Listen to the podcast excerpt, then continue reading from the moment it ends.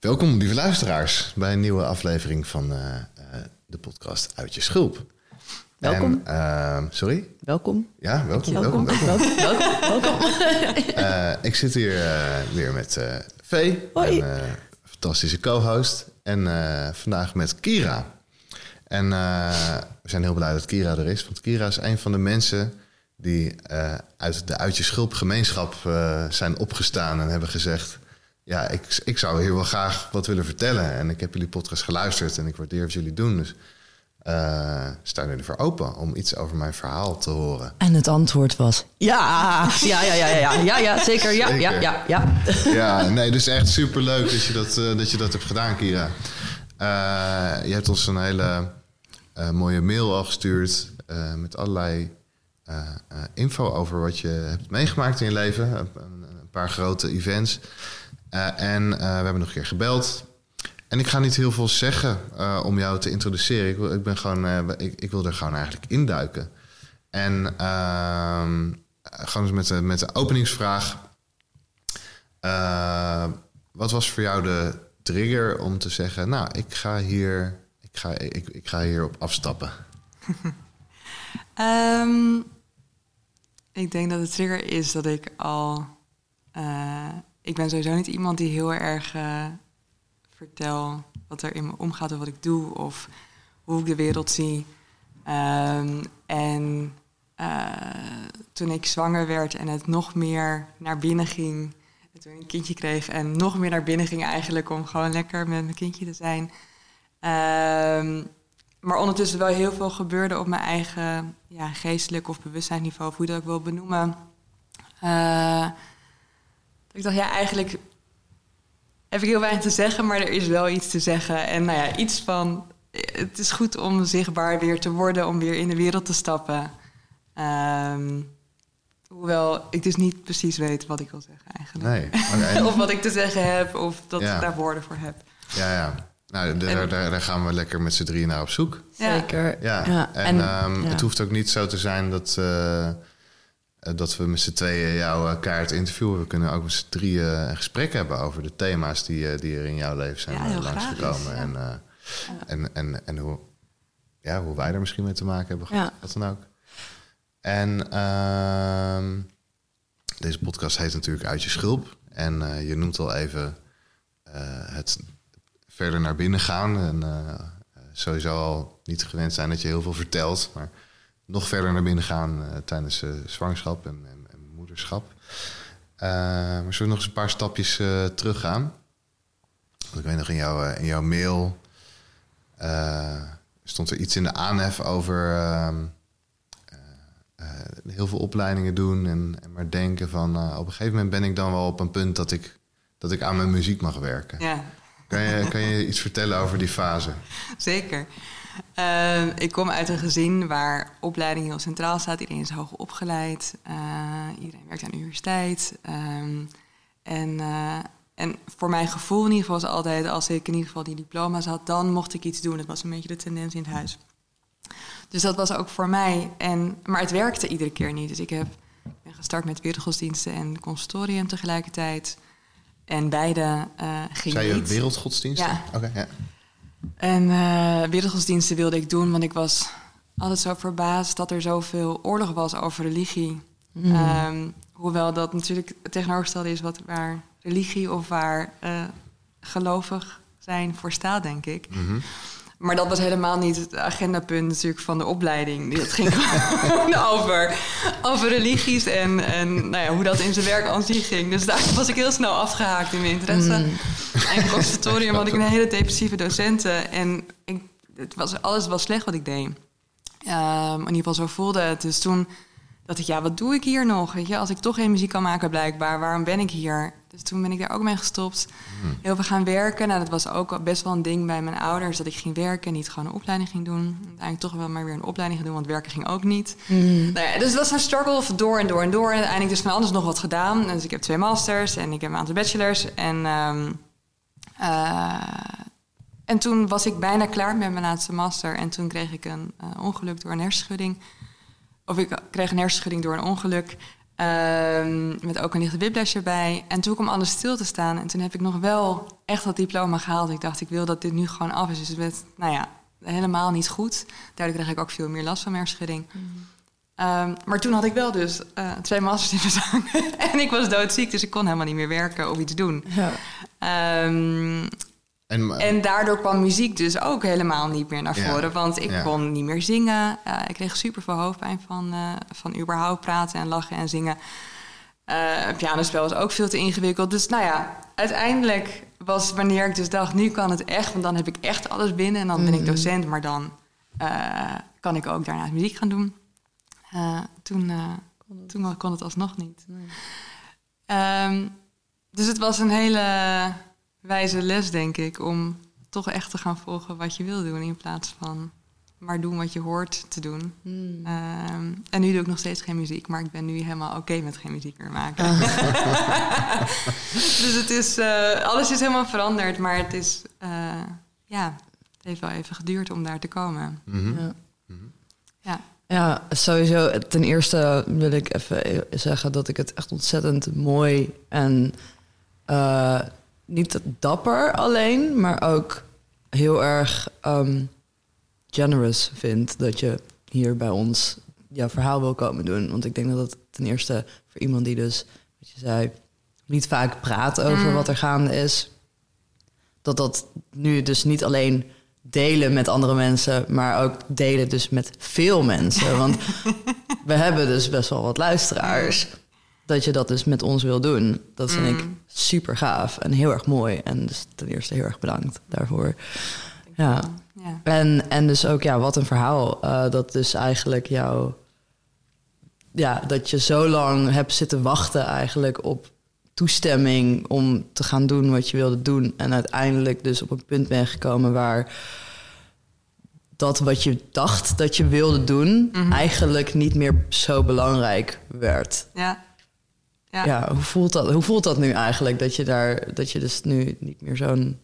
Ja, dat muziek dus nu niet meer diezelfde soort status heeft in je leven. Ja, uh, het is iets waar ik onlangs over aan nadenken ben. Dus een hele leuke vraag. Um, ik weet het eerlijk gezegd nog niet, maar ik vind het heel interessant. Ik heb me alles geïdentificeerd met muziek. Dus het was, ik was niet echt een zangeres, want zo technisch goed was ik niet, maar ik zong. Um, Klassiek? Nee, jazz deed ik. en, ehm, eh, en nu, en het is zo, ik denk dat eigenlijk dat er een soort van route nog eerst is om de vraag te beantwoorden. Goed, um, is dat doordat alles dat ik ziek werd en alles in mijn hele systeem ging veranderen, waardoor ik dus energetisch werk ging doen en alles, het hele bewustzijnstuk werd een heel ander verhaal. Wat ik zo interessant vond en wat zo, ik was ineens thuis. Hoewel ik, ik heb me altijd vroeger uh, in muziek thuis gevoeld, maar ik moest altijd werken. Ik moest altijd wat er iets voor doen. En het was, was niet dat natuurtalent wat ik soms bij andere mensen zag. En, uh, en toen ging ik dat energetische doen. En toen was het... Alles klopte. Ik snapte het, ik snapte het niet en ik snapte het wel, zeg maar. Mm. Dat, dus muziek kwam ineens helemaal... Het verdween ook even. En nu merk ik dat ik eigenlijk gewoon nooit meer echt zing. Uh, en dat ik er echt van verwijderd ben. En nu moet ik soms, eh, of nu moet ik, nu zing ik dus voor mijn dochter. Mm. Um, om haar in slaap te zingen. En dan denk ik, jezus, wat vind ik toch slecht. Het is echt verschrikkelijk. Ik ben het echt kwijt.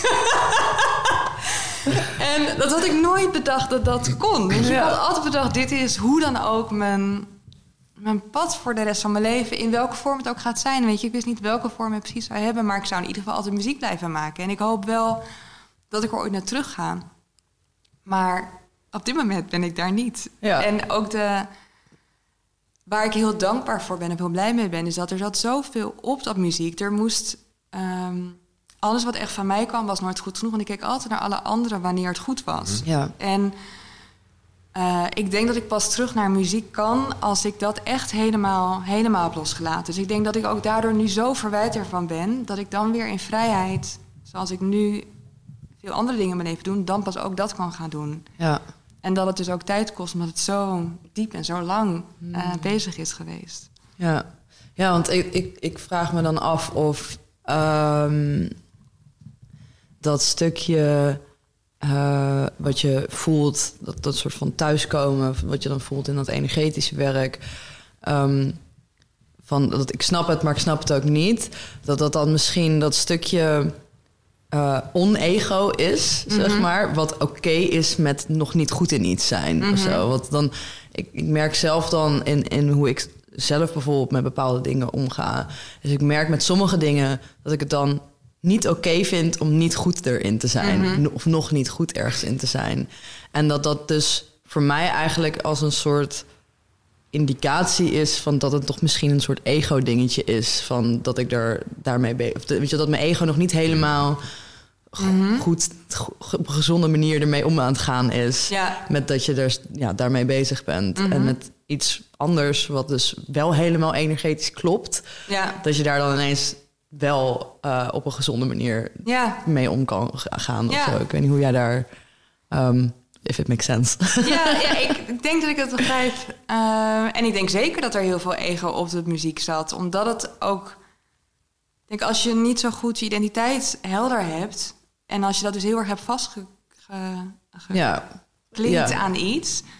Um, en dat moet het dan zijn, dan wordt het ook alles. Dus dan moet je tegen, dan moet je constant beter zijn of iets. Uh, en het is natuurlijk ook een, het is niet natuurlijk, maar muziek is redelijk een competitieve wereld. In ieder geval, er zijn natuurlijk allerlei dingen waar je doorheen moet en bla bla bla. Mm. Ja. Dus je bent ook gewend van, hey, is die beter dan ik? En als die beter is, waarom is die beter? En mm. hoe doe je dat soort dingen? En dat hoeft, ik denk dus als dat, als je helemaal, als het helemaal klopt, dat je die dingen dus niet hebt ook, omdat je dan gewoon doet uh, Voor plezier. Ja, en Dat het, het is gewoon zo. Precies. Ja, dat is interessant. En natuurlijk in, in muziek en in, en in andere kunst ook wel. Dat, het is niet per se de persoon die, het aller, die de allermooiste stem heeft... die het meest succes vergaart. Zeg maar. ja. ja. Het, is, het is de persoon die een, een, een, een eigen een eigenheid brengt. Of die, inderdaad, die er heel, waarvan je voelt van... oh ja, dit is een een artiest die met zijn uh, hele wezen hier iets staat te doen, zeg maar. Precies. Kijk maar naar, om heel even een van de grootste voorbeelden te geven, Bob Dylan. Ja, precies. Ja, zo van, nou, en zelfs David Bowie, waar ik echt oh, soort nee, van, ja. die, nou, als je zijn stem hoort, niet dat je nou echt denkt van, wow, wat kan hij vet goed zingen. Nee, nee, Want dat kan hij echt niet. Nee. Maar hij kan inderdaad zichzelf 100% zijn. Ja. En dat is denk ik wat Ja. mensen Ja. aantrekt in elke vorm van kunst, Ja, denk en, ik. in, en in, ik kan me voorstellen, in jazz en, en zeker in klassiek is het natuurlijk heel, zit het heel erg op Technisch. techniek. Ja. En, en in jazz ook wel meer dan in, dan in pop, denk ik wel. En Ja. Dan, dan is Ja, er het zijn nog allemaal steeds... regels. Dat Ja. was het waar ik tegenaan liep. Ja. Het moest zo, als je dit ging doen, dan Ja. hoort dit en dit akkoord erbij. Ja. Precies, want bla bla bla. Ja, en ja, daar is natuurlijk nu steeds meer eh, tegenwind van, dat er meer vrijheid komt. Ja. Maar je moet wel ook die vrijheid voelen en snappen. En daar ook dat- zeker ja. genoeg in zijn dat je dat gewoon doet. En dat had ik niet. Dat haalt de ziel een beetje uit, eh, uit de Ja, muziek. dus voor mij was Ja. inderdaad de ontzieling ontstond. Hoewel Ja. ik eerst echt vanuit bezieling, want het, boeide, het, het hele technische boeide mij dus ook nooit. Dus het was echt gewoon puur van dat stuk. Eh, Ja. Maar door de, alles wat ik ging doen, ja, eh, ging dat ook weg. En Ja. dat, eh, ja, Het, het is heel interessant, want ehm, ik weet niet of je, of je bekend bent met, eh, met, met narrative structures. Mhm. En eh, met dan bijvoorbeeld de hero's journey. Mhm. Eh, want nou, dat, zeg maar, het, is een, het is een narrative structure... wat dus eigenlijk in alle vormen van storytelling gebruikt kan worden. En het is ontwikkeld door Joseph Campbell. Niet ontwikkeld, maar Benoemd. op benoemd door Joseph Campbell. En hij heeft zeg maar, opgemerkt dat in elke vorm van mythologie... dat er dus een bepaalde vorm van, van verhalen vertellen was. En wat ik zo interessant vind aan de Hero's Journey... is dat vaak, eh, dat vaak de need, of de want... Weet je wel, van het ding waardoor de held op, onderweg gaat. En Ja. het ding wat hij achteraan, waar hij achteraan loopt. Dat het eigenlijk halverwege het verhaal of tegen het eind van het verhaal, als hij het eenmaal heeft bereikt, bijna, of in de buurt ervan is, dat het eigenlijk niet meer zo belangrijk is. Als, als, en dat hij eigenlijk dat kan opgeven als hij weer terug naar huis toe gaat. Van oké, ik heb eigenlijk iets veel groters gevonden. En iets wat eigenlijk veel meer... En ik weet niet, op de een of andere manier krijg ik heel ja, erg zo'n... zo'n- zo vibe van dat eigenlijk dat je zeg maar je want eh, achterna aan het streven was en eigenlijk iets veel groters je need hebt Ja. gevonden en dus dat eigenlijk die want dus veel minder belangrijk Ja. werd omdat je eigenlijk iets veel meer wat ja wat like the actual thing that you needed hebt Ja. gevonden. Ja, absoluut. Ja, ja. heel mooi Ja. Ja, eigenlijk. ja, heel, Ja. eh, ja, dat is heel... heel, heel dankbaar gewoon daarvoor dat dat kon gebeuren. Ja. Ja. en hoe, hoe kwam het, het energetische werk op je, op je pad? Hoe, hoe, hoe, ga je, hoe, rol je van, hoe rol je van het ene naar het ja, andere? Ja, ja, ja. Um, Interessant. Nou, wat er gebeurde was dat ik dus die hersenschudding had en, um, en ik werd niet beter. Dat was eigenlijk de korte samenvatting. Ja. En dan krijg je korte samenvatting van, van 4,5 jaar was dat? Jaar, ja. ja. Um, en dan kom je best wel snel, dus ik werd heel snel, uh, kwam ik bij een ziekenhuis, um, dat ze dus de scans gaan maken en dan kom je in zo'n neurologisch traject, bla bla bla. Ja. En dan zegt ze, nou ja, weet je, dit is het traject, uh, je, gaat, uh, je bent nog jong, dus we gaan je naar uh, reade en revalidatie doen. Ja. Dus revalidatie gedaan.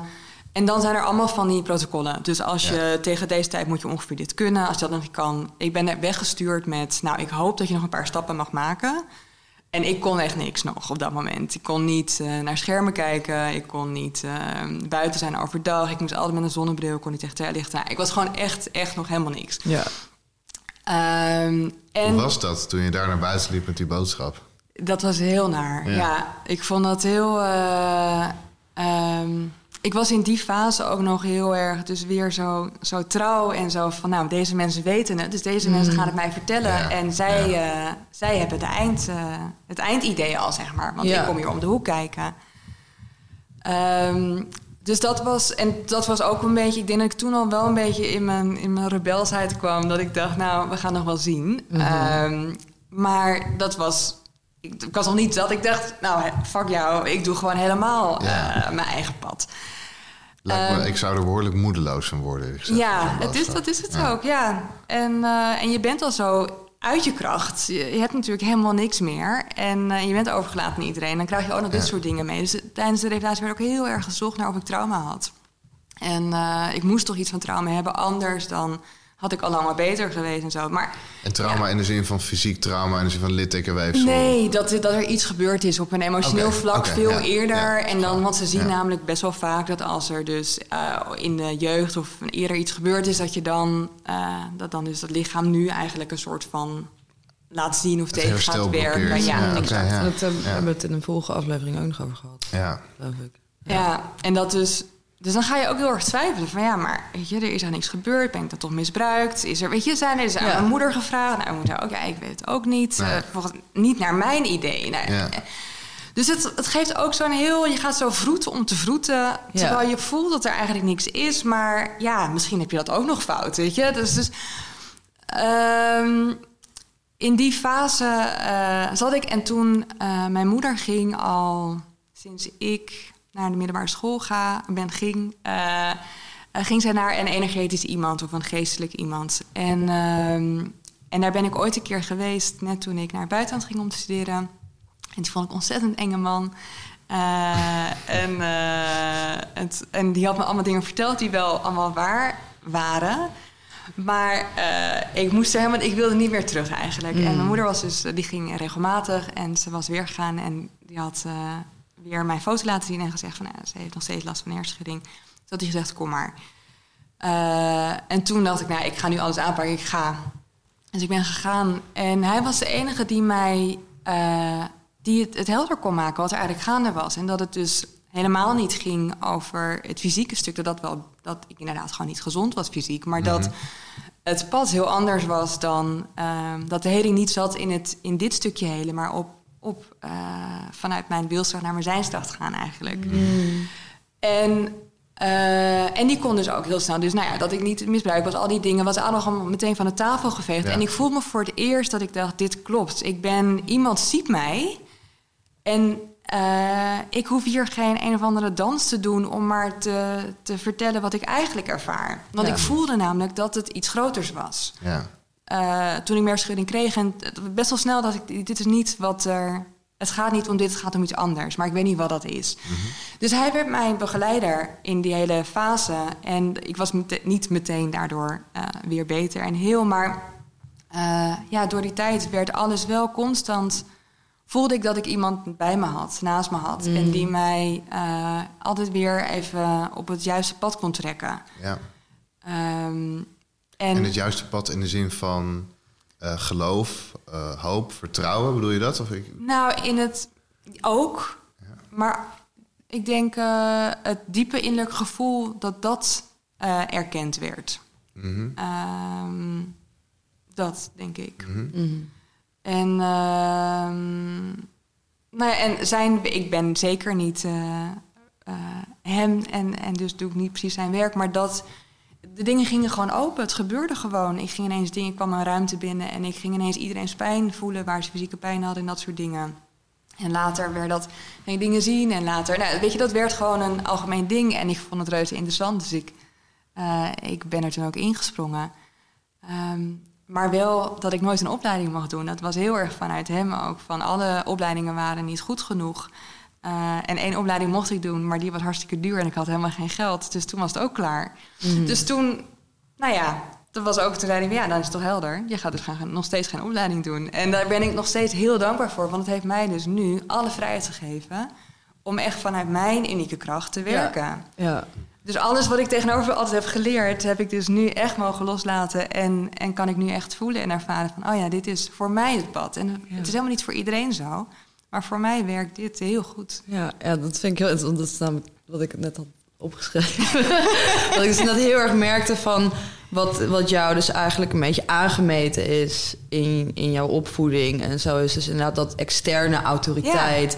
En niet naar je eigen. Uh, uh, ja, niet jezelf permissie mogen geven. dus dat het altijd vanuit een buiten, buitenaardse, buitenpersoonlijke... Ik kan ook even kijken. Ja. soms vergeet ik mijn Nederlands. het, het, het, soms. En dan improviseer ik. Dat is heel goed. maar in ieder geval dat, ja, dus dat je, dat je echt... Ja, ja, niet je, je extrinsieke... Constant, constant eigenlijk werd verteld van uh, jouw eigen stem, jouw innerlijke stem is niet voldoende. Ja. Um, je moet een opleiding gevolgd hebben, want uh, externe, uh, hoe zeg je dat? Ja, je, moet eigenlijk externe permissie krijgen van, van, van dat je goed genoeg bent voor iets. Want als je eenmaal een diploma op zak hebt, dan ben je gekwalificeerd voor iets. Uh, en eigenlijk dus dat, dat inderdaad dat, dat er geen opleiding was die je kon doen. En dat de opleiding die je wilde doen, dat die te duur was. Dat alles er inderdaad gewoon in naar wees van... jij moet geen opleiding doen. Jij hebt het al in je zitten wat je nodig hebt. En het enige wat je moet doen is daar naar gaan luisteren. Ja. Fucking vet. Heel vet. Heel vet, sorry. Ik heb geen vraag of commentaar. Ik wou gewoon zeggen. Vet. Dank je. Ja, heel fijn. Ja.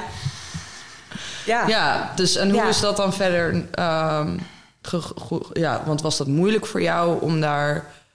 Want dat is natuurlijk een hele een soort van switch om ineens van zo'n soort manier van denken van ik moet een opleiding, weet je wel, en ik moet dit leren of wat dan ook, naar ineens naar je eigen stem gaan volgen.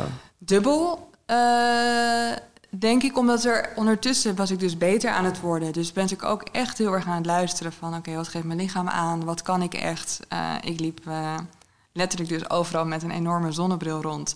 Dus het, het idee van scheid krijgen werd ook een beetje um, mijn normale ding. Ja. Um, um, en, ja, dat ik toen in de bijenkorf had ik een keer, ik liep, ik denk al vier jaar toen met een zonnebril liep. En toen was ik een keer in de bijenkorf en toen was er een vrouw aan moet ik, even wat, ik moest haar wat vragen. En die zei, ja, kunt u niet even je zonnebril afdoen?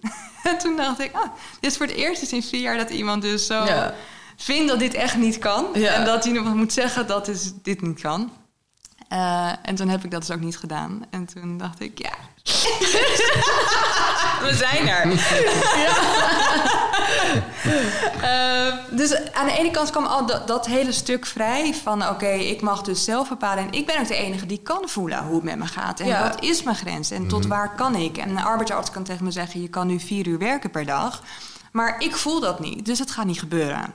Dus dat werd één, denk ik, een, een onderdeel van dit stuk les. En een mhm. ander onderdeel was dat het uh, dat het gewoon gebeurde en um, je kan niet meer energetisch doen dan je kan op dat moment. Zeg. Maar snap je? Dus je leert, je kan iedere keer net wat je op dat moment aan kan. Mhm.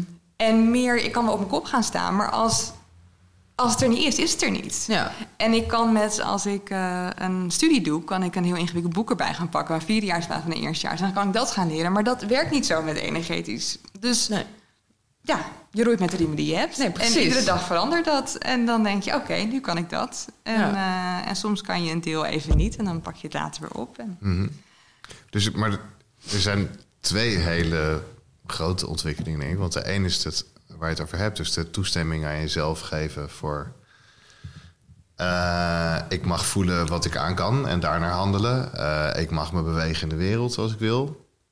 En het andere stuk uh, gaat over je werk. Dus ja. over ineens merken dat je in een ruimte binnenloopt en dat je voelt voor anderen wat hun ervaring is in dat moment. Ja. dat lijkt me ook nogal een soort van bevreemdende ervaring. Om, de, om ja. uh, ik weet niet of dat, of dat er ineens was of dat je, uh, of dat je dat soort dingen al vaker hebt gehad en het niet, niet hebt toegelaten. Zo, ja. uh, hoe is dat gegaan? ik denk. ik denk uiteindelijk dat het allerlaatste is, maar dat ik denk dat dat veel jonger is geweest. Dat ik daar niet meer bewust van ben geweest. Maar uh, ja, dat je ineens iedereen spijt voelt, dat je denkt, nou, als dit mijn toekomst is, dat is ook niet per se waar ik voor teken. Mm. Um, maar dat is dus ook niet zo, dat gaat dus ook weer weg. Uh, ja. En dat was wel even toen, maar ik was op dat moment heel blij, want ik dacht, dan maak ik stappen. Ik wil dit gaan doen, ik voel dat dit mijn pad is. Dus alles wat ik nu kan ervaren van iedereen, kom maar door, want dan, dan leer ik. Mm -hmm. uh, en dan kan ik er blijkbaar steeds meer en steeds beter. Mm -hmm.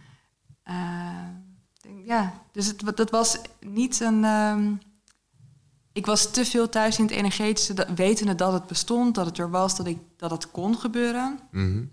Dat het niet een schrik was of zo. Dat ik dacht, ja. holy shit, wat gebeurt me nu? Uh, ja. Dat niet. Mm -hmm. Ik was meer, uh, denk ik, heel hard aan het juichen. ja. En uh, kan je nog iets meer uitleggen wat het is om dat te voelen en om daarmee te werken. Ja, ik denk dat ik hier het meest stil dus altijd. En dan omdat dit mijn werk is geworden, ben ik dus ja. het meest stil geworden. Ja. Ik vind het heel lastig. Ik, ja, om... kan me voor, het hoeft ook niet hoor. Kan me nee, voor, maar het, is niet, het gaat niet om dat ik het niet wil, maar het is, ik vind het heel lastig om het te benoemen. Mm. Um, uh, het is... Um, ja, het is dus heel subtiel. Dus het is, maar in de subtiliteit, als je daar thuis in wordt, dan wordt het heel voelbaar weer. Wordt het weer heel zoals ik jou nu zie en als ik je nu zou aanraken. Het wordt heel stevig ook weer. En uh, ik kan uh, redelijk veel zien, redelijk veel waarnemen. Dus er zijn allerlei dimensies, bla bla bla bla bla. Nou, daar kan je allemaal doorheen en dat waarnemen. En daar zitten dus allerlei dingen op bij mensen. En wacht en... maar voordat je de, de bla bla bla overslaat. ja. Ik, heb idee, ik denk dat dit nou juist iets is waar ik in ieder geval nog niet zoveel van begrijp. Nee. Dus ik zou de bla bla bla ook, ja. ook wel willen horen. Ja, goed dat je dat zegt. Ja.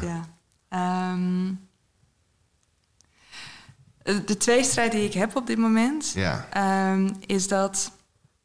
Uh, wat ik mijn eigen groep nu heel erg probeer te leren, is dat er zijn. Uh, we hebben dus hier ons aardse bestaan en dan hebben we nog allerlei andere lagen. Ja. En, um, en daarin hebben we dus een middenwereld en we hebben weet je, de moeder aarde en bla bla bla. En ik zal de bla bla bla proberen te verwijderen. En we hebben, um, nee, dan hebben we dus allerlei uh, astrale stukken eigenlijk. Um, en dan als je sommige, dit is namelijk ook een ander ding als je de wie je ook volgt, zeg maar. Dus het hangt er ook vanaf bij de shamanen gebruiken zo'n ander systeem uh, dan, uh, dan mensen die uh, ja, meer die dus energetisch, maar zonder zo'n zo'n systeem werken. Ja. Um, en in ieder veld, als het ware, is dus een ander ander systeem, ziet het er anders uit. Dus zie je dezelfde wereld, maar wordt die anders weergegeven. Mm Waardoor je op een ander niveau kan werken. Mm En sommige zijn meer op het fysieke, sommige zijn meer op het mentale... en sommige zijn meer op het geestelijke of spirituele, mm je mhm. dat ook wel noemen. Um, mijn uh, mijn uh, kracht is voornamelijk op het geestelijke te werken. Dus, dus dat is wat verder eigenlijk. Uh, in de zin, het is wat, wat abstracter. Um, En ehm, nou, al, die, die, al deze plekken, plekken, dimensies, werelden, hoe je het ook wil benoemen, zijn er. Alleen, en dit is dus terug naar wat ik eigenlijk wil, dus uh, mijn eigen mensen leren, is dat uh, er, er is nog steeds uh, God of de bron of de goddelijke bron, of hoe je dat wil noemen, een, een, een echt zuiver stuk zoals ik het zie. Iets wat helemaal voorbij en veel krachtiger is dan al deze velden. Mm. En we hebben de neiging, wat ik zie heel erg in het energetische en als ik de mensen die ik volg, en, uh, om heel erg in dus dat al die andere lagen te blijven. En ik ben steeds meer, voel ik de neiging om echt puur alleen met die direct goddelijke lijn daarmee te zitten. En het is ook hoe ik gebouwd ben, dus dat werkt ook voor mij. Het is niet voor iedereen is die zo gebouwd. Um, en dat, is, dat werkt weer anders, want dan is het nog veel meer ontvankelijk en veel minder doen en veel minder bezig zijn. Als ik in al die lagen zit, dan kan ik heel actief bezig zijn. Ik kan het ook loslaten, ik kan het ook alsnog laten gebeuren. Maar het is, uh, het is toch een ander soort werk, voelt het. Als je vanuit het goddelijke of vanuit dus puur energetisch op energetisch gaat zitten. Mm Maar is dit een soort van helder wat ik zeg? Of is het nou, ik, het, de, de woorden zijn nu super helder. Ik heb er geen ervaring mee. Mhm. uh, en ik, het voelt als iets, als typisch zo'n onderwerp waar je een keer iets in hebt moeten ervaren om het echt te snappen. Ja, maar Zoals ik kan, het ook moeilijk is om, uh, om uit te leggen aan iemand wat verliefd zijn is, die nog ja. verliefd is geweest, zeg maar. Ik persoonlijk vind ik heb ik ook ergens altijd zo'n vraag van... ja, oké, ik heb totaal waardering en respect voor jouw beleving van, uh, van dit alles en hoe je erin staat. Uh, ik, weet, ik weet niet tot, in, tot, hoe, tot hoeverre ik erin mee kan gaan, zeg maar, in het verhaal. Maar ik ben heel benieuwd, weet ja. je wel. Dus, um, maar mag ik je onderbreken? Zeker, zeker. Uh, want ik kan me namelijk bijna niet voorstellen... want je doet coaching, dus je spreekt met mensen. En ik kan me niet voorstellen dat je niet voelt eigenlijk wat er bij iemand gaande is. Op een manier. Gewoon, iemand loopt binnen en je denkt, hé, hey, daar oh, gaat nee, het nee, goed. Zeker, ja, zeker. Maar de, ehm, de manier waarop je dat uh, interpreteert... Ja. Uh, dat kan je op zo verschillende manieren ja. doen. Ja. En daar zijn zo verschillende verhalen over. Ja. Uh, en mijn verhaal is meer, komt meer voort uit, denk ik uh, wat neem ik bewust en onbewust gewoon waar als iemand ja. binnenkomt. Dus ook gewoon sensorisch, weet je wel. Dus ik heb ogen, ik heb, uh, ik heb een huid die temperatuur en die wind voelt. Ik heb, je, hebt, je bent zo sensitief als mens eigenlijk mm -hmm. voor zoveel dingen. Uh, net een subtiel houdingje. Hoe klinkt een woord, weet je wel? En de meeste informatie verwerk je denk ik onbewust vaak. Ja. En kan je wel gedeeltelijk naar bewust te halen als je maar zorg dat je goed in touch bent met jezelf, goed in, goed in contact met jezelf, uh, kan ik ook wel voelen uh, welke lading er in een woord zit, welke lading in een, in een zin zit. Uh, tot op zekere hoogte. Ja, zeker. En, en, en ik probeer dus wel altijd, te, altijd ook te verifiëren natuurlijk. Check van, hey, en ook zei ik werk ook met teams en daarin heb, speelt dat natuurlijk heel erg. Ja. Omdat je in groepen mensen, daar is vaak een warboel van, ja. van, van uh, emoties ja. en uh, dingen die niet zijn uitgesproken en zo. En uh, dan is het vaak heel behulpzaam als ik gewoon in het midden leg hoe ik me voel daar in de groep. Dus oeh, ik vind het wel, ik, voel, vind, ik vind het wel spannend hier. Of ik, ik voel me nieuwsgierig hier, weet je wel. Of, uh, ik, heb, ik heb in deze groep het idee dat ik alles heel goed moet weten. Gewoon mm -hmm. dat, soort, dat soort dingen. Gewoon heel mm -hmm. erg. En dat vergt wel dat je goed, goed weet te luisteren aan jezelf inderdaad. Ja. Um, maar de manier waarop, waarop wij inderdaad een, een verhaal ervan maken, is denk ik heel anders. Mm -hmm. ja. Ja. Ja. ja. En het is ook, ik moet wel naar een andere staat gaan om te werken op die manier. Ik ben niet zo, zeg maar. Ik ga oh, ja. wel. Ja.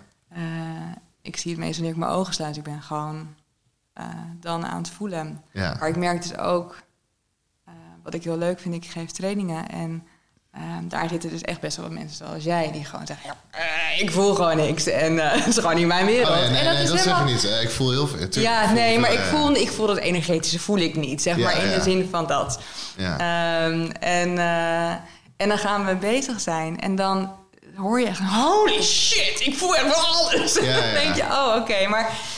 Ik denk de meest, de meest uh, interessante ervaring die je daarin hebt gehad... is eigenlijk een hele kleine uh, een workshop van Ivo Callens. Uh En daar deden we een, paar dingen staand in de ruimte. Uh, eerst je volledig gefocust naar je voeten, dan helemaal naar je hoofd en dan je handen zo voor je borst houden eigenlijk. En dan, dan, en dan, dan kan je iets voelen tussen je handen. En, ook, dan kan je kijken op welke afstand voel ik het nog. Dat kan je ook met andere mensen doen.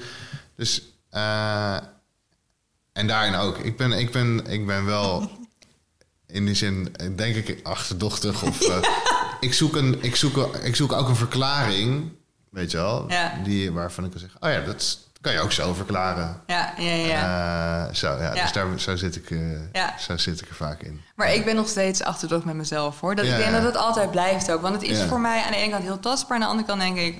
Nee, en ik vind, het, ook, ik vind het ook niet... Ik vind het ook niet belangrijk wie welk verhaal voor zichzelf maakt. En, want wat ik, wat ik weet en, en wat, wat bijna, bijna een soort van thema is... nu in uh, de afgelopen drie sessies, denk ik...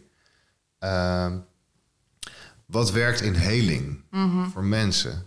En, uh, en een van mijn motto's als coach is wel gewoon... als het werkt, dan werkt het. Ja. What the fuck, weet je wel. Maakt niet uit. Gewoon. En, en ik merk ook dat mensen soms... Uh, uh, terug, ja, of, of, um, weerhoudend zijn... of sommige dingen niet willen proberen... of dat ze denken van, oh ja... Uh, zoals bijvoorbeeld hulp in, inschakelen van vrienden of zo, weet je, om zich eraan te herinneren dat ze, dat ze dingen zouden doen die week. Ik zeg, ja, maar ik moet het toch zelf kunnen. Nee, maar als het werkt, dan werkt het. Mm heel, soms heel eenvoudig ding. Maakt niet uit wat je doet, hoe je het doet. Je wil ergens komen en als je wie dan ook tegenkomt en die kan je ermee helpen op wat manier ook. Het werkt, dan werkt het. En dan hoeven we ook niet altijd denk ik te weten van hoe werkt het precies. Nee. Ja. ja. Dus ik sta open voor, voor alle interpretaties en alle verhalen. Ja. En ik... Uh, ik voel me veilig in mijn interpretatie, snap je? Ja. Ja. Ja. ja. En dus daarmee wil ik echt volledig niet te niet doen wat, uh, wat, jou, uh, wat jouw verhaal is. Uh, daarom ben je hier ook. Ik ben heel erg benieuwd naar. Ja, ja oké. Okay. Dus. Ja, leuk. Ja. En om daar weer op door te pakken en terug te pakken. Uh, even kijken of ik nog de lijn uh, te pakken heb. Um, ja. Um, je zegt ook, oh ja, ik ben dan, ik ben dan niet zoals nu hier. Uh, mm -hmm. En je zegt, ik werk vanuit die directe lijn, die goddelijke -hmm. lijn noem. Um, In, is, is een relatie. het is ook niet. is iets waar ik mee bezig ben. Waar, ja. waar ik. Ja uh, een constante groei. En waar ehm, ik weet alleen dat ik de. Ik heb de aanleg ervoor. En daardoor gebeurt ook meer. Het is niet dat het vaste prikken en ik sta en hop, we gaan ehm, mhm. alleen vanaf dat stuk werken. Ik doe ook nog steeds al die andere dingen. Ja. En um, oh ja, wat ik dan wel interessant vind. wat, ik, wat ik ook merk in mijn sessies is dat uh, als ik open sta voor wat er emotioneel gebeurt in een sessie, dan, dan ben ik ook bewogen. Hè? Dus dan ben ik ook emotioneel bewogen. Ik, tot op het punt dat ik nog wel een soort van kan faciliteren dat er een productief gesprek ook eh, mhm. is. Maar uh, uh, hoe, hoe is dat voor jou? Waar, mhm. hoe, hoe, hoe, voel je mee? In hoeverre ga je de verbinding aan met mensen? En hoe doe je dat? En hoe houd je jezelf ook nog staande, soort van mhm. of zo? Weet je wel? Ja. Um, nou, je, als het goed is, kan je eigenlijk alles voelen. En je hoort ook de woorden die erbij horen en dat soort mhm. dingen. Je ziet vaak de beelden die gebeurd zijn. Dus dat, uh, ja, het, ik voel het allemaal. Het gaat allemaal door me heen. Maar ik moet wel inderdaad, ik moet blijven staan in mijn eigen zijn nog steeds. Dus dat, daar zit een uh, een behoorlijk koude kant ook ergens. Dat ik gewoon heel koeltjes nog steeds gewoon helemaal er moet zijn. En alleen open moet staan voor alles wat daar langs mag komen. En dat dat en ja. uh, hoe ik werk of hoe ik mm, hoe het voor mij werkt, is dat um, zolang ik al die dingen kan um, accepteren is niet het goede woord, maar kan uh, erkennen en herkennen en, en dat ze er allemaal mogen zijn. Uh, hoe vreed soms ook, of hoe, uh, hoe naar, maar ook heel mooi soms. Mhm. Hoe dan de dingen gewoon kunnen gebeuren zoals ze moeten gebeuren. Eigenlijk mhm. ben ik niks anders dan ruimte aan het geven aan wat er moet gebeuren en daar en dingen openzet, zodat er zodat je eigenlijk geleid wordt dat die andere dingen waar je eigenlijk kan afbreken, zodat je meer kan worden wie je bent. Ja, maar ik vind mooi uh, hoe je het zegt, is dat de dingen langs je heen kunnen gaan. Ja. Dus je laat ze langs komen, je laat ze langs gaan, maar langs jouw eigen. Ze gaan door zijn. Dus je, je, ziet, je ziet het, je voelt het en, en, het, en het kan er weer uh, uh, uit vertrekken. Zeg maar. Ja. Ja, ja. ja mooi. Beschreven. Ja. ja. Ja, het is. Het is heel, heel intiem. Ja. Uh, want je ziet soms ook meer dan anderen dan ze zelf nog kunnen ervaren. Hmm. En dat maakt altijd nou ja, dat je ook heel, uh, heel. Ik probeer zo schaars met mijn woorden te zijn, dat er ook heel veel ruis is. Ook meteen als je één ding zegt, wordt dat weer meteen door de ander geïnterpreteerd door iets anders. Je denkt, hmm. nou ja, dat jij het merkt in wat je schrijft, dat dat heel anders wordt geïnterpreteerd misschien. En in hoe je coach ook hetzelfde eigenlijk mm hebt. Hmm. En wat is, nog, wat, hoe, wat is het instrumentarium van een uh, energetisch coach, healer? Wat, wat, ja, wat? ik ga dus gewoon onder Kira. wat is het instrumentarium van, uh, van Kira? Behalve, behalve, behalve woorden, zeg maar, als je, in, uh, als je met iemand in sessie bent. Ja, ze proberen te laten voelen. Ja. Maar dat is toch best wel lastig. Ja. Um, en anders alleen woorden. Ja. ja. En ik geef soms een oefening mee. Ja. Um, dus dat is. Uh, en eigenlijk ook zoveel, ergens zo min mogelijk worden. Mhm. Ga maar voelen. Ga maar gewoon. Ga maar weg. Ja. en ga gewoon de komende tijd je ding doen. En kijk hoe het zichzelf uh, ontwikkelt. Mm En dan, eigenlijk, ik zie ook hoe meer mensen het vrij kunnen laten, hoe meer er kan gebeuren. Uh, en dan zie ik ze later en dan nou, gaan we door. Mhm. En dan, dus het is niet echt een. Probeer een praatsessie zoveel mogelijk te vermijden omdat dat. Uh, ja, omdat het dus niet op dezelfde frequentie is van een bewustzijn. Dus wat ik snap, snapt de ander niet op die manier. En dat is ook helemaal oké. Okay. Mm-hmm. Maar dat, uh, dat moet ik dus ook niet willen om ze dat op die manier te laten begrijpen. Mm-hmm. En dan kan ik ze maar beter gewoon laten ervaren. Ja, mm. ja de eigen ervaring laten ervaren. Ja, ja, ja snap ik. Ja, mooi. Um, um, ja, daar wil ik eigenlijk nog wel even op inhaken. Want dat, ik merk dus dat dat ook weer een soort van terugkerend thema is, wellicht, uh, in wat we tot nu toe hebben opgenomen. Is um, het voelen. Want dat, ik denk dat dat, zeg maar, dan misschien dan een beetje de, ja, toch de grootste soort van oplossing is voor heel veel dingen. Is mm -hmm. iets zien, iets erkennen en dus ook iets voelen. En ik denk ook dat dat in hoe wij op dit moment in de samenleving staan, een van de moeilijkste dingen is om te doen. En ook een van de dingen die ons eigenlijk het moeilijkst gemaakt worden ook. En ik, ik zie zelf inderdaad voelen als iets wat ja, soort van centraal staat, ook rondom het thema van uit je schulp kunnen komen. Mm -hmm.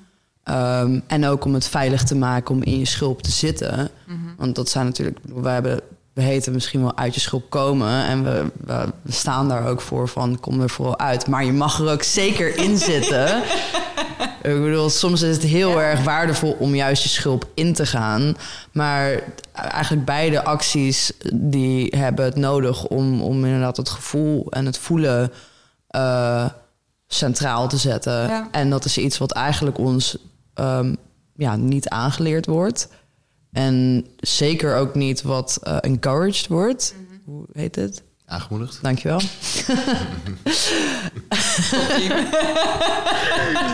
Thanks. Uh, en en, en um, ja, dus hoe zou jij, zou jij daar praktisch misschien ook iets over kunnen zeggen? Uh, het proces van voelen eigenlijk. Want ik neem aan dat dat ook iets is wat in jou Kira-werk uh, voorkomt. Uh, want hoe, hoe faciliteer jij dat voor de mensen? Van oké, okay, ga maar voelen. Ja. Hoe, hoe doe je dat? Ja, ja, ja. ja. Om even heel concreet. Ja. Um, tja.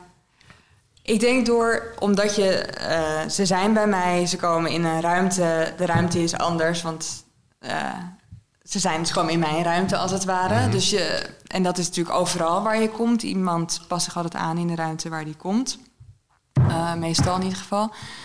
En, uh, en daarin liggen ze een tijdje gewoon te liggen terwijl ik werk. En dat is eigenlijk het moment dat ze het meeste kunnen meekrijgen van wat er gedaan wordt. En uh, soms is dat dus in, in heel veel sensaties. En sommige mensen hebben nog een heel uh, kakelend hoofd. Ja.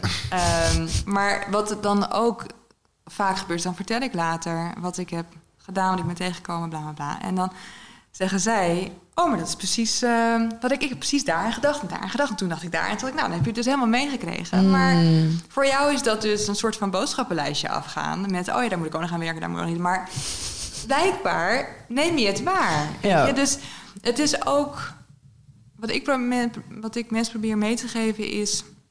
voelen is niet één ding, waarnemen is het. En het is alleen maar gaan waarnemen op jouw manier. En hoe dat voor jou werkt. Dus als het voor jou betekent dat je alleen maar in dieren waarneemt... of een soort mhm. van gevoel krijgt, nou, dat is een vogel en dat is een, een hert. Ja. ja, doe het. Weet je, waarom zou ik moeten zeggen... het is alleen maar deze manier van voelen. Mhm. Dus... Um, begin je eigen soort van woordenboek te creëren en je eigen taal te creëren, waarin jij snapt dat als jouw neus begint te tintelen of te trillen, dat het voor jou klaar is. Of als er iets anders is. En dit komt nog echt wel vanuit die hersenschuddingperiode, om echt gewoon ieder bazaal stukje te gaan voelen in je lichaam. Van hé, hey, maar wat. Ik, mm. dit gebeurt al drie keer en drie keer ben ik in zo'n situatie. Wat betekent het dus? Ja. Um, dus op zoek naar de, echte de, signalen van het lichaam. En, en, en, de toestemming geef je mensen mee om daarmee te doen wat ze, ja. wat ze willen. Ja. Mm. Ja. en als je dat doortrekt dan in het energetisch, als ze meer dus energetisch leren werken, om ook daarin te gaan kijken van oké, je bent op iemand aan het werk. Wat zie jij dan? Zie je al veel kleuren? Of zie je helemaal niks, maar hoor je dingen? Of voel je gewoon heel veel in je handen? Geen van de ander is beter of slechter. Mm. Het is gewoon jouw taal. Ja. het enige is dat die taal nooit ontwikkeld is. Dus je gaat gewoon in plaats van Duits ga je nu energetisch leren. Ja. Of leren. Ja. ja. En het is gewoon heel jammer dat we dat dus niet aangereikt krijgen. En dat dat. Uh, ja, dat het eigenlijk altijd is. En vertellen, zo hoort het. In mm. plaats van um, wie ben je eigenlijk en hoe werkt het voor jou? Ja, ja ik, ik vind het sowieso een heel interessant iets hoe uh, hoeveel ons uh, bestaan eigenlijk afhangt van, van taal. En dus van alle vormen van taal. Mhm. En dat we onszelf eigenlijk zo'n gelimiteerde vocabulaire hebben gegeven. Van als iemand ja zegt, dan betekent dat ja. En als iemand met zijn hoofd knikt, dan betekent dat nee. En op de een of andere manier hebben we dan nog steeds dat als iemand nee zegt, dat we dan alsnog een ja kunnen horen. Of als iemand zeg maar met zijn armen zo staat, dat we dan alsnog denken van oh, die wil dit heel graag mm of zo. En, met je handen gekruist. Ja, precies. Of zeg maar dat als iemand zo in elkaar gekrompen zit en zegt van oké, is goed hoor. En dan dat we denken van dat is een volmondige ja. ja. En, en, en terwijl er inderdaad zoveel... goed voorbeeld. dat er dus zoveel verschillende manieren... En ja, verschillende manieren hebben van, van communiceren. En ik heb vaak ook het gevoel dat wij de wereld begrijpen door, door communicatie. En dus ook zeg maar de diepere waarheden van het, van het bestaan. En dus ook de diepere waarheden van de interconnectie tussen andere mensen. Dat dat vaak zo'n um, bepaald wordt door de taal die we begrijpen. En voor sommige mensen kan het inderdaad gewoon zijn dat iemand door een aanraking op zijn schouder uh, misschien meer begrijpt van wat de ander van hem wil of wil vertellen dan wanneer die, weet je wel, drie uur lang gaat zitten uitleggen hoe, hoe of wat. En soms dan is het inderdaad gewoon echt letterlijk de juiste woorden, zij het verbaal of niet verbaal, mhm. vinden om om, om iemand dus op, hetzelfde, op hetzelfde lijn te trekken als jij. En ik, ja, dat, ik weet niet wat mijn punt is, maar... nou, maar, ik hoor, ik hoor ja. je zegt in ieder geval. Ja, ja. ja. Oh ja mooi. Ja. Het, is, het er, er is meer dan dat. En, en, en uh, dat we denk ik vaak vergeten om te vertrouwen op alles wat je ervaart als je iemand waarneemt.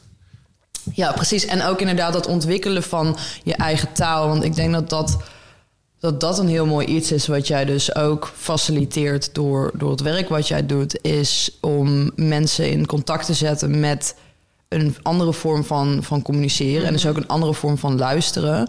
Waardoor er op een meer authentieke manier eigenlijk gecommuniceerd kan gaan worden.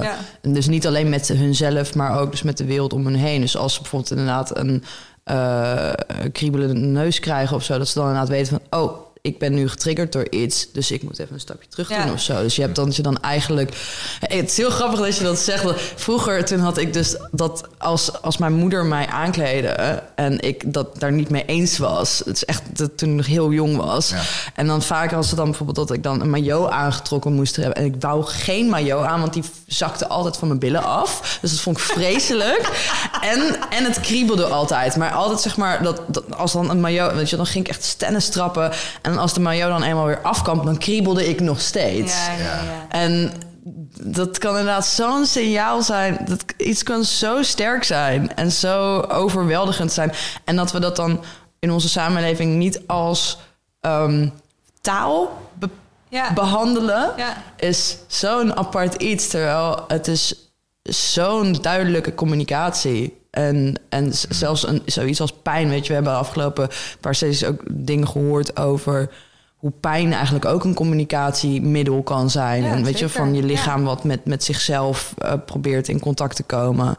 En ja, ik vind het geweldig dat er dan zo, ja, hoeveel verschillende dimensies er zijn waarin je kan communiceren en ook waarin je kan leren hoe je in elkaar zit. Ja. Eigenlijk. Ja. ja. Mag ik op twee dingen aanhaken? Want ik yes. ineens, jij vroeg natuurlijk, volgens mij vroeg jij in ieder geval... hoe laat je nou eigenlijk mensen voelen? Mhm. Of voel je, nou ja, vroeg sorry. Ja. um, en uh, wat ik eigenlijk doe als ze het niet kunnen voelen... is helemaal uh, zelf in dat stuk van hun gaan zitten, als het ware. Om het dan te vergroten, zodat ze dan meer kunnen voelen. En dat is mm. vaak de weg dat ze dan denken... oh, oké, nu snap ik ja. wat je bedoelt. Soms niet hoor. Maar meestal is dat... Kun, kun je dat ehm, uitleggen, wat, wat dat betekent? Dus in een stuk van iemand gaan zitten? Ja, dus stel uh, iemand heeft... Uh, ik weet niet of dat, of dat uit te leggen is hoor. Ja, een woord zonder dat mensen dat zien in de basis, ervaren. Ja. ja. Je ziet op... Uh, dus bijvoorbeeld uh, boosheid. Iemand heeft enorme boosheid in zich zitten. Ja. En die zit uh, op meerdere plekken. Maar ik zie dat er op één plek een voornaamste, voornamelijk die daaruit komt. En die zit uh, in het bekkengebied. Ja. Dan ga ik in het bekkengebied zitten. Dan ga ik het daar vergroten. Ga ik in die boosheid. Ik maak hem nog groter. Ik ga hem nog meer naar voren laten komen. En op dat moment haal ik ze er bewuster bij. En dan ga ik hun eigenlijk een soort van uh, bekrachtigen in dat stuk van voelen. En dan kan het gebeuren dat ze dan dus veel bewuster dat stuk mee kunnen krijgen. Mhm. En nou ja, daar gaat het dan, kunnen ze dus daar contact mee maken. En als ze helemaal contact hebben gemaakt, kunnen ze altijd contact maken. Ja. Maar je moet net even die schakeling hebben gemaakt. Ja. Dat is even wat ik nog, om even toch terug te komen. en de ander, om juist spoor te gaan over wat je net zei. Ehm, is natuurlijk met dus dat we één, één taal gebruiken. Uh, of in ieder geval de... de Bewust. De, Bewust de taal. taalkundige taal gebruiken. Um, maar dat natuurlijk hetzelfde geldt voor oplossingen. Iemand heeft pijn aan zijn voet. Eén Jantje is naar de fysiotherapeut gegaan en daar is het helemaal opgelost. En Keesje gaat voor hetzelfde probleem naar de fysiotherapeut en het wordt niet opgelost. en dan is het toch echt Keesjes probleem, want Jantje was opgelost. Ja.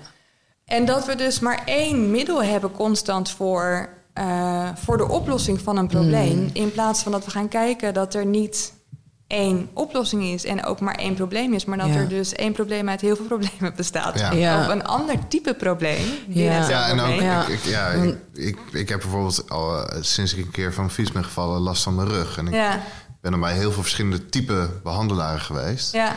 Uh, fysio, manueel, hapto.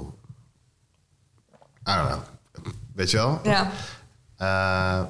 Maar inderdaad, alle, allemaal hebben ze een andere visie op wat je moet doen. Dus de ene gaat kijken, nou ja, je moet je spieren versterken. De andere gaat kijken, oh, je skelet staat niet helemaal zoals het hoort. Ja. Uh, en, uh, en, en, en zo is, iemand als jij zal meer gaan voelen van, ja, wat zit er, wat zit er dwars of zo. Ja, ja. ja en ik kijk ook fysiek wat er aangaande is. Soms zie je gewoon bij iemand echt... Uh, Ehm, dat daar gewoon echt een ontsteking zit of wat dan ook.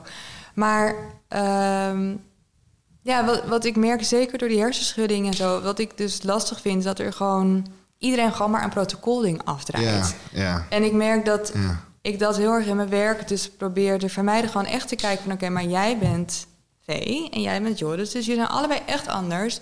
En ik ga gewoon door jullie systeem en ik laat gewoon kijken wat er naar voren komt. En natuurlijk heb ik uiteindelijk ook nog steeds mijn type manieren, omdat ik het zo snap en zo werkt het voor mij en bla bla bla bla. Maar om de openheid te hebben ehm, om echt te kijken naar iemand, mhm. ik denk dat we daar tekort van hebben in de wereld. En dat is heel, uh, kan, heel schadelijk. Ja. Omdat mensen zich ook dus daardoor weer niet gezien en gehoord voelen. En, en is weer die innerlijke stem wordt weer weggeduwd. Want je wordt weer krijg een of andere stempel. Hoewel die stempel niet klopt voor je. Ja, precies. En ik denk dat dat zelfs ook nog schadelijker is. Het niet gezien worden, niet gehoord worden, niet uh, erkend worden ook. Want dat is vaak ook het, het, uh, de reden van een terugkerend probleem. Is, is dus oh, oké, nou, als, als ik het op deze manier breng, dan wordt er niet naar mij geluisterd. Let's try it a different way. Let's make it worse. Ja. Weet je wel? En ze, ja, ze heeft dus inderdaad iemand die bijvoorbeeld het symptoom of het probleem, laten we zeggen dat dat dan bijvoorbeeld hoofdpijn is. En dat kan bij iedereen voorkomen. En voor iedereen is er een andere reden voor. Ja. En we hebben dus onszelf een beetje um, uh, wijs gemaakt dat elke hoofdpijn door hetzelfde ding veroorzaakt wordt en dus ook door hetzelfde ding opgelost kan worden. En dan heb ik hoofdpijn even als een soort van placeholder. Maar ja. ja, met inderdaad klachten of problemen of symptomen, dat we daar zo snel uh, een, een one size fits all kaartje op plakken. Terwijl het uiteindelijk veel. We zijn super complexe, gelaagde wezens. die inderdaad helemaal niet alleen maar in fysieke realiteit zitten. maar ook nog eens in, in spiritueel. of weet je wel, in een, in een soort. ja, in andere dimensies zitten dan alleen maar het hier en nu. Mhm. en, en in dit lichaam. Uh, weet je, we hebben ook nog eens generaties die voor ons zijn gekomen. Dat zijn ook allemaal dingen die onderdeel zijn van wat ons, wat ons kan raken en wat ons kan aanraken. En uh, ja, en, en dus dat idee van dat we alles met één, één uh, oplossing kunnen oplossen, dat vind ik zo'n aparte.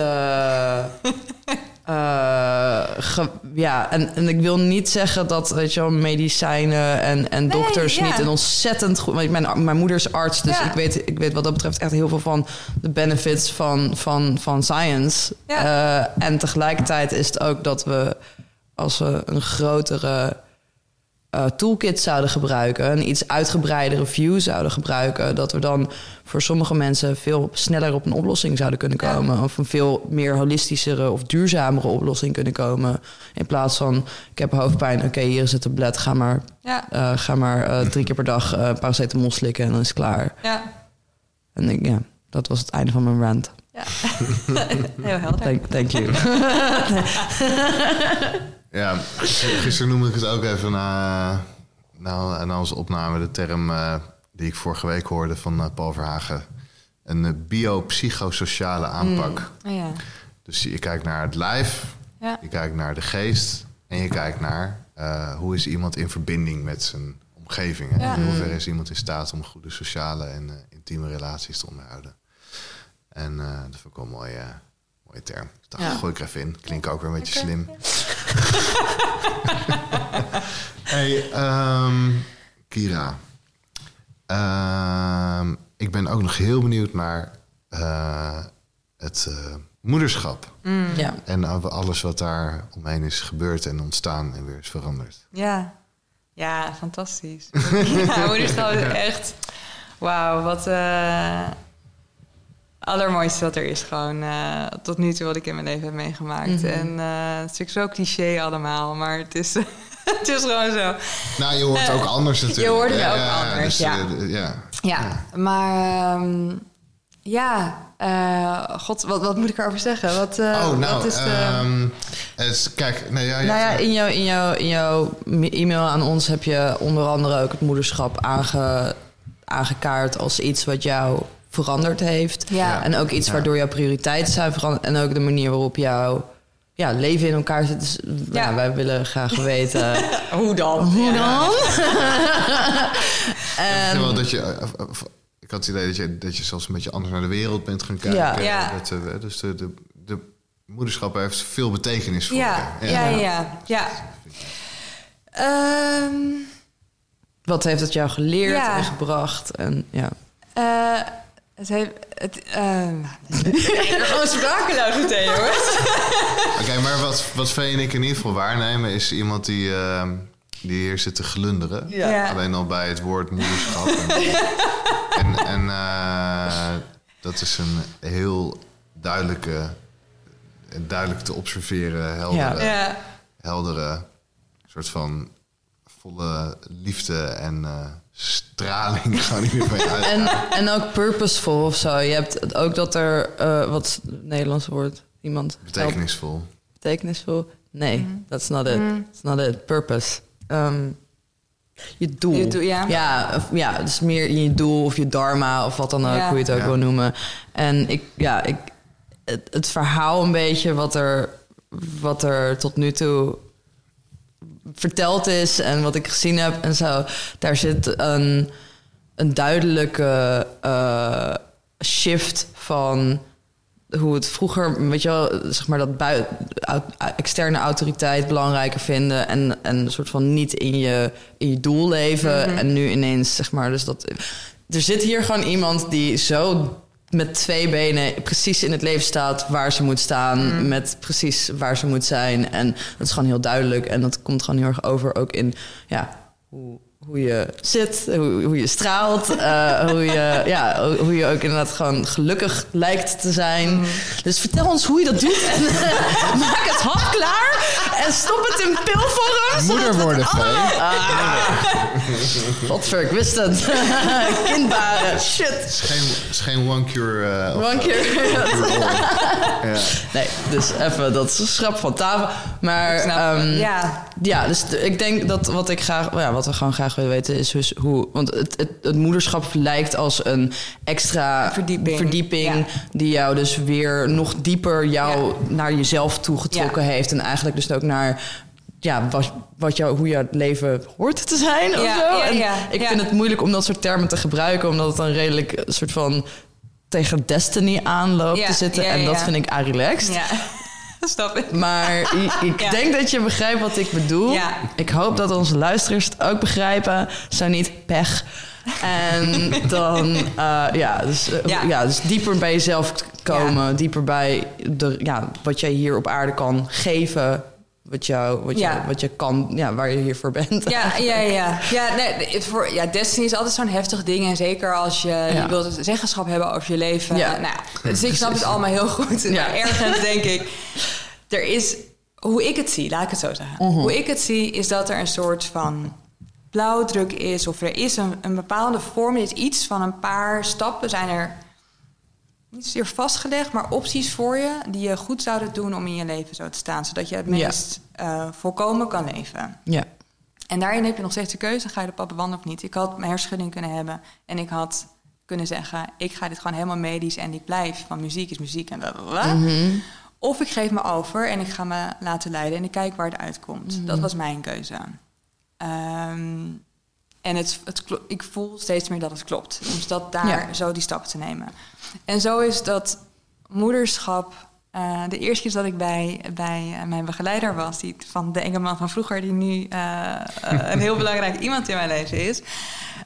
Um, die zei: Ik heb nog nooit zoveel oerkracht voor moederschap gezien bij iemand. En dit is een man die toen al, denk ik, 60 was. En ik denk dat hij. Nou, met 4 keer 8, 32 mensen per dag ziet, vijf dagen in de week. Uh, die heeft veel mensen gezien. Ja. Uh, en toen dacht ik, nou, ik weet helemaal niet of ik kinderen wil. Eh. We zien het wel. En er was altijd, ik had vroeger wilde ik kinderen, en, maar dit is echt wel een tijd geweest. Mijn zus kreeg kinderen en ik dacht, het is echt veel werk. En het is echt, uh, je hebt gewoon tijd voor jezelf en ik wil gewoon wat dingen doen. Dus er is echt wel een fase geweest van ik dacht, nou, ik weet niet of het iets voor mij is. En ik ontmoette mijn vriend en toen was ik nog steeds dat ik dacht, nou, niet. En toen zijn we op een gegeven moment weggegaan naar Indo voor een tijd. En toen daar dacht ik, hm, ik wil kinderen. Mm. Uh, hoe dan ook, ik wil kinderen. Mm. En, uh, hoe, hoe, ont, hoe ontwaakt ze dat? Weet je? Kan, kan je iets, ze luisterde. ze luisterde. het is een andere plek. Er wordt anders omgegaan met kinderen. Ja. Uh, kinderen zijn veel meer een onderdeel van de maatschappij. Bij ons zijn natuurlijk kinderen een beetje weggestopt. Weet je? die, mhm. die mag je thuis, mag je daarmee entertainen. Maar onderweg moeten ze gewoon in het gareel. En uh, daar doen we niet zoveel mee. Ja. Um, en daar waren mannen als vrouwen druk bezig met kinderen, altijd mee spelen, veel meer ravotten. En, uh, ja, ik vond het heel moois om te zien hoe, het, hoe daar überhaupt veel meer het leven gewoon het leven is. En ja. daar, geïntegreerd met elkaar. Ja, en er is natuurlijk heel veel armoede en er is van alles en nog wat. Maar er is ook een, uh, ja, dit is wat het is. En we doen het zo. En we gaan uh, nog steeds uh, onze liefdes na en onze dingen doen. En, Precies. Um, er is ruimte voor alles. Ja. ja. En er is natuurlijk nog steeds heel veel shitzooi en allemaal dingen die je daar helemaal niet wenst dat die er zijn. Maar nou ja, anyhow. Uh, je zag hoe het ook kon zijn. Hoe het ook kon zijn, hoe er variaties zijn. En ik, het maakte, en ik denk daar... Dus het was, ging ook weer om toestemming eigenlijk. Ja, ja. En daar was ook... Eh, ik kon daar ineens veel meer, dus ik, ik hielde daar ook veel meer. Um, dus ik denk dat al die dingen samen... Ik was daar zes maanden met mijn vriend samen. We waren altijd non-stop samen. Dus ook dat partnerschap wat anders mm. weer wordt. En waar ja. ik toch echt heel erg gek op hem was. En en nooit dacht, uh, ga uit die kamer. Weet je, we zijn gewoon altijd samen en, en ik vind het heerlijk. Dus dat was voor mij, uh, uh, denk ik, de eerste echte stap daarnaar. En hij wilde geen kinderen, of niet, hij wist het niet. Mhm. En op een gegeven moment was er één opening dat hij zei... ik dacht dat ik zwanger was. Mijn broer had net een kindje gekregen. En ik dacht, ik ben zwanger. En ik vertelde het hem. En toen, toen, toen viel hij heel dramatisch op op het kleed bij ons thuis. toen zei hij, oh. toen, uh, toen zei hij, oh, nou, is misschien wel leuk eigenlijk. en toen ging ik later naar de wc en toen was ik gewoon ongesteld geworden. En toen was het dus klaar. Maar toen was er dus ineens ruimte. En toen zei hij, oh, ik vind het eigenlijk misschien wel jammer. Ja. En toen zei ik, nou, zullen we het gewoon proberen en dan kijken we wel. En toen was ik meteen zwanger. Ah. En toen had ik meteen een miskraam gekregen, twee weken later. Dus ik was echt zo, nog voordat je ongesteld ja. weer moet worden. Officieel heb je dan geen miskraam. Maar ik voelde dat ik zwanger was. En ik vond toevallig later ook nog het, het ei, of het, het celletje echt. En toen zei hij, nou, we gaan wachten. We gaan nog helemaal geen kinderen krijgen. Dit gaat veel te snel. We hadden niet meteen zwanger moeten zijn. En toen was ik weer meteen zwanger. Ja. En toen, was het oké, oké, dit is gewoon wat het is. Nou, anyhow. Um, dus toen kreeg hij een kind. En, en ik wist dat hij ook echt vader moest worden. Hij is gewoon een papa van hier tot Tokio. Mm. En toen was het ook meteen klaar. Dus toen was het, dat was ook meteen goed. Dat we zo, oké, we zijn samen ouders. Ik denk dat dat heel fijn is om samen een kind te hebben. Dat je allebei, ook al is er struggling, maar als je weet, dit, dit klopt, dit voelt goed, dan dat maakt heel veel anders in dragen. Uh, ja, en toen in mijn zwangerschap gebeurden allemaal dingen met dat, gewoon helemaal in dat lijf zitten, die zwaarte. En je wordt gewoon. en dat, dat werkt gewoon aan alle kanten. En dat is gewoon goed een bepaalde stevigheid die je extra krijgt. Ehm, en toen was ze geboren en toen zag ik haar en dacht ik, ja, ik heb jou de hele tijd al gezien. Oké, jij bent mm. gewoon mijn kind. Dit is helemaal, ik vond het doodnormaal. Mm. het is natuurlijk heel gek als je ineens je kind op je hebt. Maar nee, natuurlijk, natuurlijk ben je op. het duurde dus best wel een tijd voordat ik dat echt kon de, de diepte die daarmee kwam, uh, om dat echt te voelen, dat, heet, dat duurde wel even een paar maanden. En ik had heel veel bloed verloren. Dus dat, ik moest ook gewoon zelf even weer echt bijkomen. Um, maar ja, god, dan heb je ineens je wezen en ze lijkt enorm... Ze lijkt niet enorm op mijn vriend, uh, maar ze is heel Indonesisch. Mijn vriend is half Indonesisch. En, uh, en ze is gewoon heel Indo. Mm. dus het is heel mooi om te zien hoe ze zo veel van degene waarvan je zoveel houdt, dat ze zoveel daarvan in, in de lijn draagt.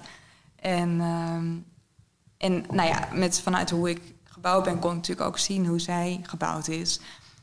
Waardoor ik zie dat zij veel meer kan dan ik nog. En ze is in de, in de, ehm, in de zak uh, of in de vliezen is zij geboren. Dus ze is nog helemaal. Nou, en daar wordt uh, de algemeen, in India ben je dus meteen een, uh, een heilige dan. Mm. En uh, daar komt dus ook echt een bepaalde paranormale begaafdheid vaak bij kijken. Dus ja, zij gaat zijn wie zij is. En ik ben hier alleen om haar te begeleiden zoveel ik kan. En, en haar gewoon te laten worden wie zij is in zoveel vrijheid die ik haar kan geven. En dat is een, een mijn enige taak naast mijn andere taak die ik hier kom doen. Dat is gewoon mhm. andere mensen helpen. En, en, zo'n kind gewoon, ja jeetje, zo'n zo mini, zo mini die, die zo groeit. En die gewoon dan de hele nacht niet geslapen en ze lacht. En je denkt, nou, wat maakt het uit? het is gewoon zo onwerkelijk, want je hebt dit nooit meegemaakt. En ineens maak je het mee en dan denk je wauw, dit, dit kan dus allemaal. En het klopt dus. Ja. ja, en ik vind het zo mooi, want zeg maar dat, dat eh, de taak die je hebt eigenlijk, uh, van ik ben hier voor die mini te zorgen. Um, die komt eigenlijk heel erg overeen met de rest van jouw taak. Ja. Dus eigenlijk is het niet alsof je zeg maar moet kiezen tussen je kind of je roeping. Nee. Roeping, dat was het. dat is het woord dat ik zocht. Hey. Dus het is helemaal niet alsof je moet kiezen tussen je kind of roeping. Want je roeping is onderdeel... Je kind is onderdeel van je roeping. En het is onderdeel van het werk wat jij doet... en het van het werk wat jij hier bent om te doen. En dat vind ik heel erg mooi. Is dat het inderdaad niet een soort keuze is tussen het een of het ander. Want door, door het een te doen leer je ook meer hoe je het ander beter kan doen. En door het ander te doen, zal het, zal het een ook beter gaan. Ja. En dat is echt een prachtige voorbeeld van hoe het is om freaking aligned te zijn. en ik vind het echt, I'm here for it. I am laughing it off. Ik vind het geweldig. En ik vind het zo mooi ook hoe, hoe dat samenkomt. En dus ook dat het, het geeft me ook heel veel hoop of zo voor mm. mensen. Van ja, als je leert te luisteren en als je echt leert um, om te zien wanneer iets, weet je wel, iets voor jou bedoeld is of niet. Om er dan ook echt achteraan te gaan. Uh, omdat, omdat je, ja, het leven wordt dan eigenlijk veel makkelijker. Ja. En dat is mooier. Het, het leven wordt makkelijker, simpeler, mooier. En, en, en ook nog eens wat jij dan aan jezelf, wat jij krijgt, geef je ook weer weg, zeg maar. Dus het is een prachtige wisselwerking van groei en bloei. En ja. Ja. Proost. nou, en ik denk ook, wat je heel mooi uh, benoemt, denk ik. En zo ziet dat het inderdaad elkaar dus uh, helpt. En dat is ook dus dat de moederschap, wat, wat, uh, wat mijn begeleider bedoelde, was dat. Dus die kracht die daarop zit, die moederschapkracht, die, die oerkracht. Dat zorgt ernaar dus dat zodra zij komt, dat ik, toen zij kwam, kon ik ook ineens energetisch weer veel meer. En daarmee, en dat ik meer kan, kan ik weer haar beter zien. Nou ja, zo werken dus al die dingen heel mooi samen. Ja, prachtig. ja. En je zei, het duurde even voordat ik de diepte daarvan ja. begreep. Ja. Wat, wat, heb je daarvan geleerd ondertussen? Wat, wat is er uh, helder geworden? Ja, het de, eh, dat je. Ik denk dat toen, toen we haar net kregen, toen kon ik wel zeggen tegen mijn ouders: Oh ja, ik snap nu wat onvoorwaardelijke liefde betekent van je ouders. Ik snap nu bij jullie altijd hoeveel jullie van mij hebben gehouden, wat ik nu van haar houd. Dat, ik denk dat dat voor iedereen eigenlijk zo is. Maar dat, ja, met partnerschap weet je, dan kan je zeggen, we houden onvoorwaardelijk van elkaar. En, uh, en, dat, en dat is op, ik denk ook op sommige lagen is dat zo. maar er is toch altijd, als jij dit doet, doe ik misschien wel dat. Ja. Zeg maar, uh, ik ga niet voor, ik teken niet voor dat jij nog met tien andere vrouwen iets gaat doen en dan uh, ben ik nog steeds even liefdevol. En misschien nog wel, maar misschien ben ik ook weg ondertussen mm. en zijn we niet op deze. En dat is met een kind, door, dat, door te ervaren dat het niet uitmaakt wat ze gaat doen, dat het misschien dat ik als zij, nou, als ik het heel verkeerd doe en zij ineens een heel slecht iemand belandt of wordt. Um, en uh, dan zou ik denk ik altijd de, uh, ik moest daar gisteren aan denken en ik had toen het woord, maar nu heb ik het niet. Dat je, dat je de verscheuring voelt van zoveel mm. liefde die je hebt en dat er iets niet oké is. Mm. Maar die verscheuring is denk ik niet bijna met alle andere dingen op die manier. Ja, ja. die kan je alleen voorstellen in die relatie. Ja, op die manier. Ja. ja. Dus letterlijk dat. Ja, ja. Nou, nee, ik, ik, ik, ik volg het zeggen. Ja, mooi. Ja, ja. mooi. En uh, ik heb al sinds uh, heel vroeg in deze aflevering een, uh, een spannende vraag. Mm, doe het. Denk je dat je... ja, en een nee is helemaal oké. Mhm. Denk je dat je voor ons en onze luisteraars een liedje zou willen zingen? um, mijn eerste het mag, het, het mag nee, een liedje zijn. wat je voor je, echt, jongens, ja. wat je voor je kind zingt, ja, bijvoorbeeld. Ja. Voor, voor de sake of plezier en niet omdat het mooi is. Ja, om gewoon al dat maar even Wat we misschien wel kunnen doen, is dat we eh, na de aflevering met z'n drieën uh, gewoon keihard gaan zingen en dansen. En met liefde zing ik het slaapliedje voor mijn kind. Ja? Ja? Oké. Ja, ja. Eentje? Let's do it. ja. Let's do it. Dit is het piano, een van de eerste pianoliedjes die ik vroeger leerde. Dus dit is, uh, die heb ik onthouden om een van de reden. Oké. Okay. Sleep, my baby. Close your eyes. Sandman's calling. From the skies.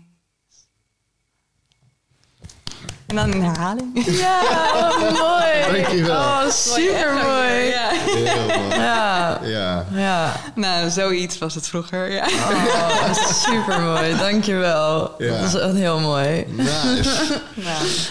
nou. Um, lieve Vee. Is het dit, Gaan dat, we doen? Uh, adviestijd?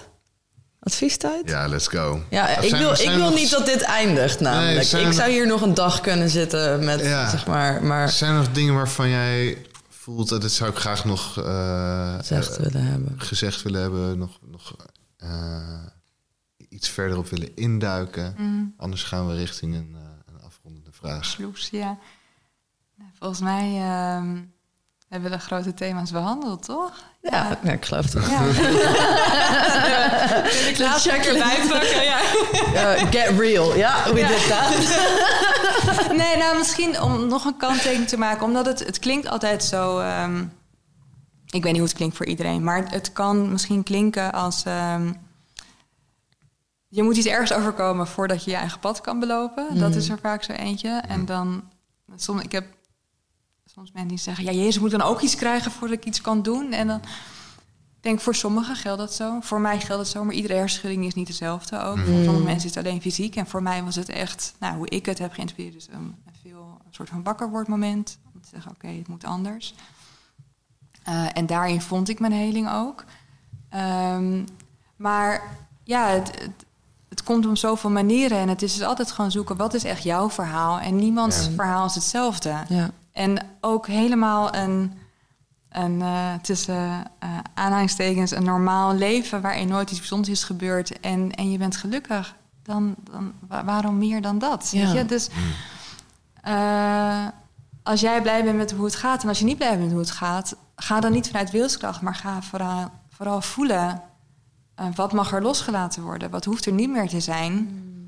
en waar kan ik, waar voel ik me vrij, waar mm. voel ik me, me goed zonder dat ik iets hoef te zijn. En misschien een slotwoord daarin, uh, het niet zijn, is denk ik misschien het meest verlossend. Ja. Gewoon, dit is wat het is en ik ben niks meer dan, dan niks. Ja. Heel mooi. Ja, ja, zeker. Mooie laatste woorden. Zeker. Uh, Kira, zijn er, hoe kunnen mensen jou en jouw werk bereiken, vinden?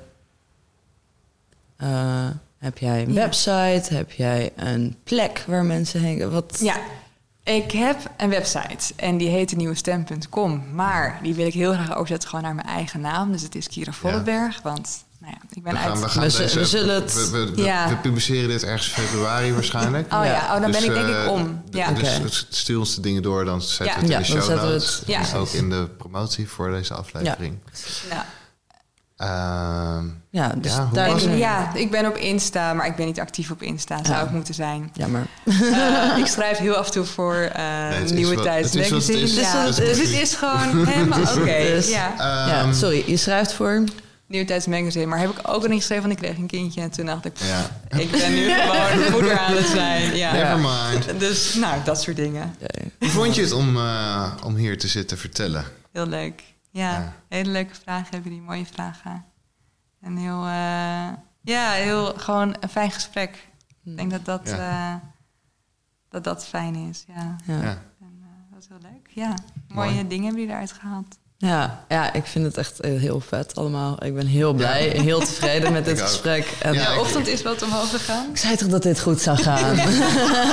dit is de laatste waar ik... Voor de luisteraars, ik was vanochtend redelijk chagrijnig. Met verkeerde benen uit bed gestaan. Ik voelde me niet goed. Ik had absoluut geen confidence en zo. En het enige waar ik van wist van... oké, uh, het enige wat wel goed gaat vandaag, waar ik 100% vertrouwen in heb, is de gesprekken die we gaan voeren met onze gasten. Want dat is altijd vet.